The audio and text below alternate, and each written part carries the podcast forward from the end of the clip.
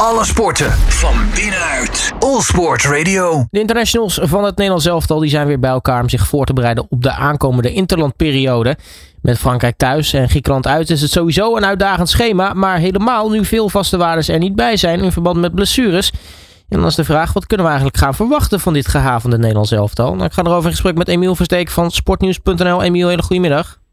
Een hele goede middag. Ja, Sven Botman, uh, Matthijs de of, uh, Memphis Depay, Cody Gakpo, Frenkie de Jong, Matthijs de Licht, Noah Lang, Mark Vlekken, Steven Berghuis en Teun Koopmeiners. Uh, dat is een aardig rijtje, Emiel.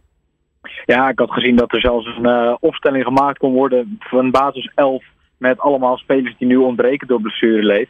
Um, en alleen die 11 al zijn hartstikke sterk. dus het is echt doodzonde voor het zelfs al helemaal in deze moeilijke reeks dat je die uh, grote namen mist. Want Frankrijk thuis wordt natuurlijk sowieso lastig. En de Grieken uit is ook niet te makkelijk potje natuurlijk.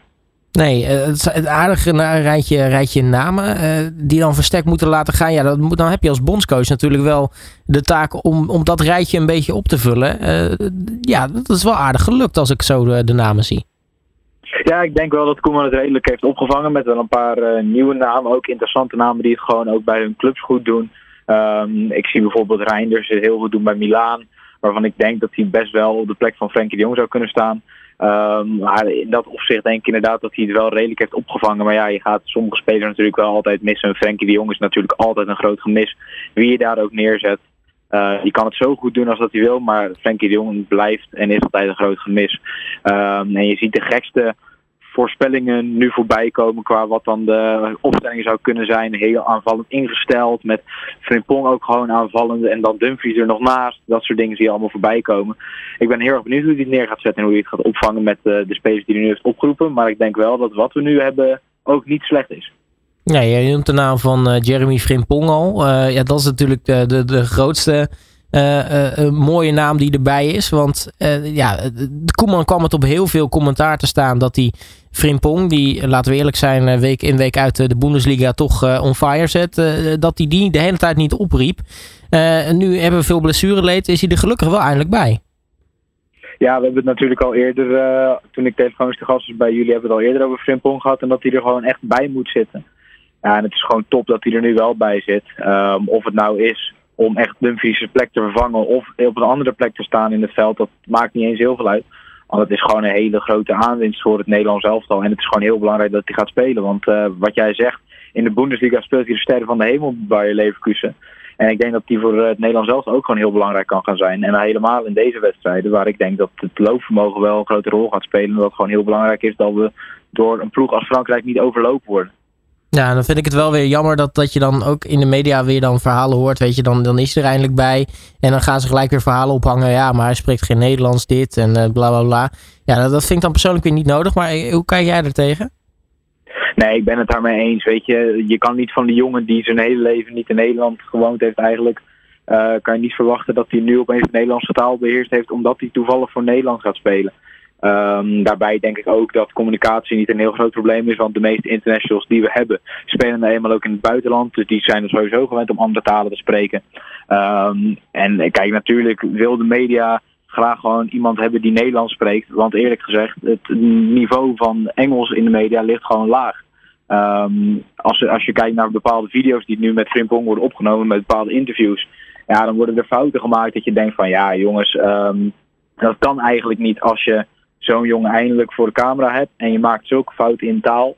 Dus ik denk dat het een beetje ook is uit, uh, ik wil niet zeggen frustratie, maar dat het ook wel, de media er wel een boodschap achter heeft van we hadden liever een Nederlander gehad of zo.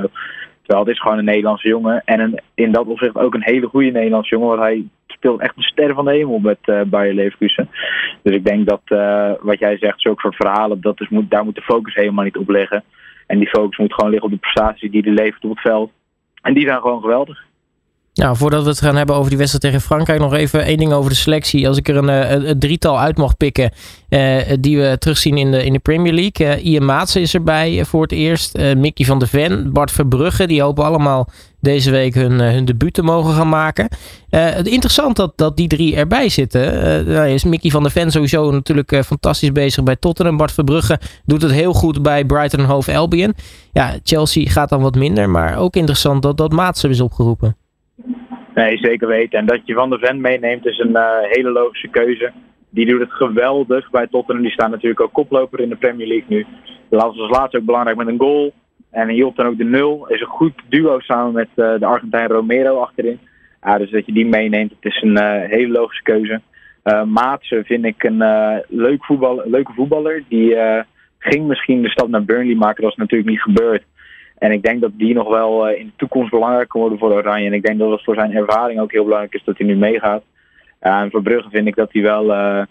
een kans is groot dat hij natuurlijk gaat spelen. Maar ja, het is op het moment in, in de Nederlands elftal natuurlijk wel een soort keeperscrisis. Um, waarvan ik heel erg benieuwd ben wie, die, wie Koeman gaat opstellen ik ben ook persoonlijk wel benieuwd hoe het zou zijn met uh, Olij onder de lat. Die straalt bij Sparta wekelijks heel veel rust uit. En ik denk dat een uh, Nederlands elftal dat ook wel goed kan gebruiken.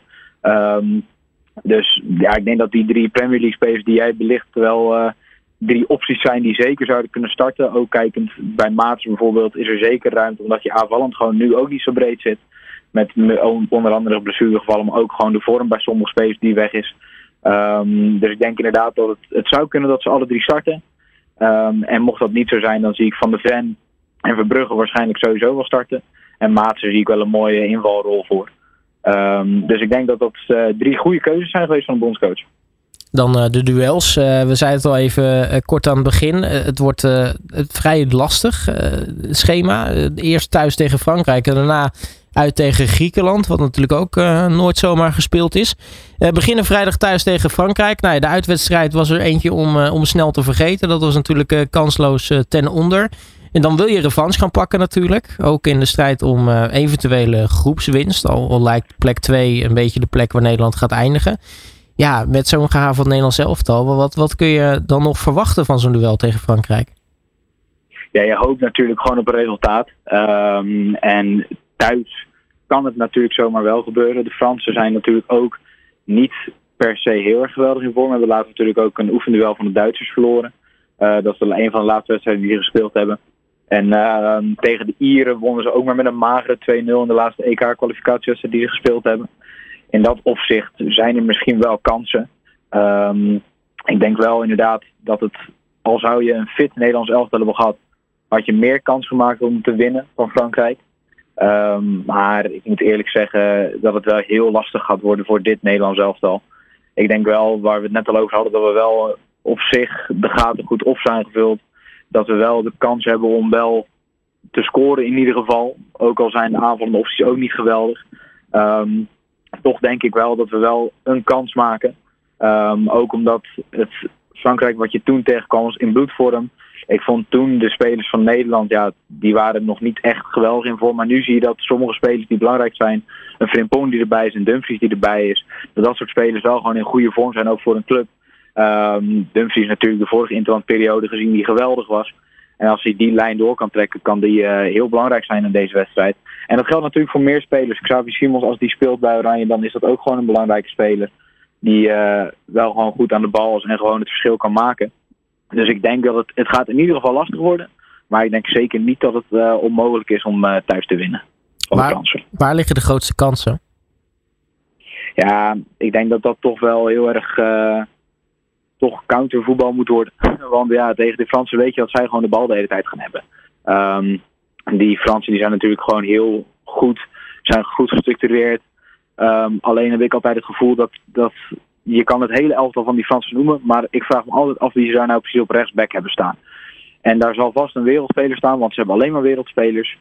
Uh, maar toch denk ik dat daar wel een kans ligt. Dat misschien de flanken, dat je het via daar moet doen.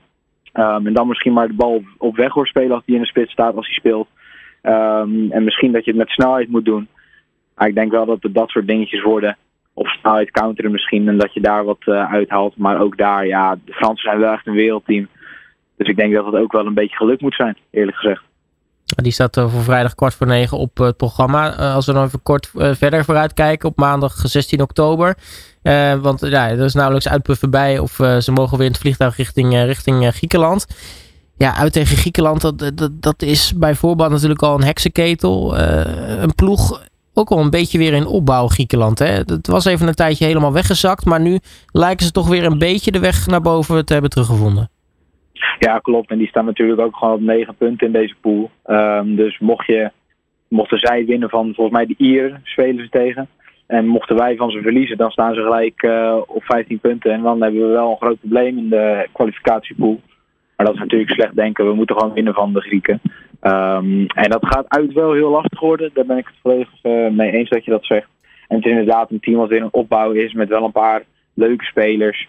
Um, Pavlidis die natuurlijk het heel goed doet in de Eredivisie, die daar vaak speelt. Um, waarvan ik wel verwacht dat hij wel een goaltje mee gaat pikken deze periode. Of het nou tegen de Ier is of tegen ons. Um, dat vind ik wel een geweldige speler. En ik denk dat dat wel iemand is waar we voor op moeten passen. Maar ja, je mag toch hopen van een Mickey van der Ven dat hij hem wel uh, af weet stoppen. Maar het is wat je, wat je zegt klopt. Het is een team opbouw. En er komen natuurlijk wel steeds meer spelers weer die daarop staan ook bij Griekenland. Waarvan ik wel denk van nou, dat kan best gevaarlijk worden. Ja, tot slot dan een kleine voorspelling voor beide wedstrijden. Ik durf het bijna niet aan. En ook omdat je gewoon niet, uh, je wil natuurlijk niet te negatief denken. Tegen de Franse verwachting kan je een verlies natuurlijk gewoon beter incalculeren. In de hoop dat je dan nog een punt wint of uh, drie punten pakt. Uh, wat ik zei, ik verwacht wel de score. Ik denk 1-3. Um, en bij de Grieken, ja, dat wordt natuurlijk wel echt een voetbalgevecht. Um, daar hoop ik ook op winst. Een gelijkspel zou, ook niet, zou me ook niet verbazen. Want de Grieken zijn natuurlijk wel gewoon heel goed en helemaal thuis. Toch uh, voorspel ik daar uh, 2-1.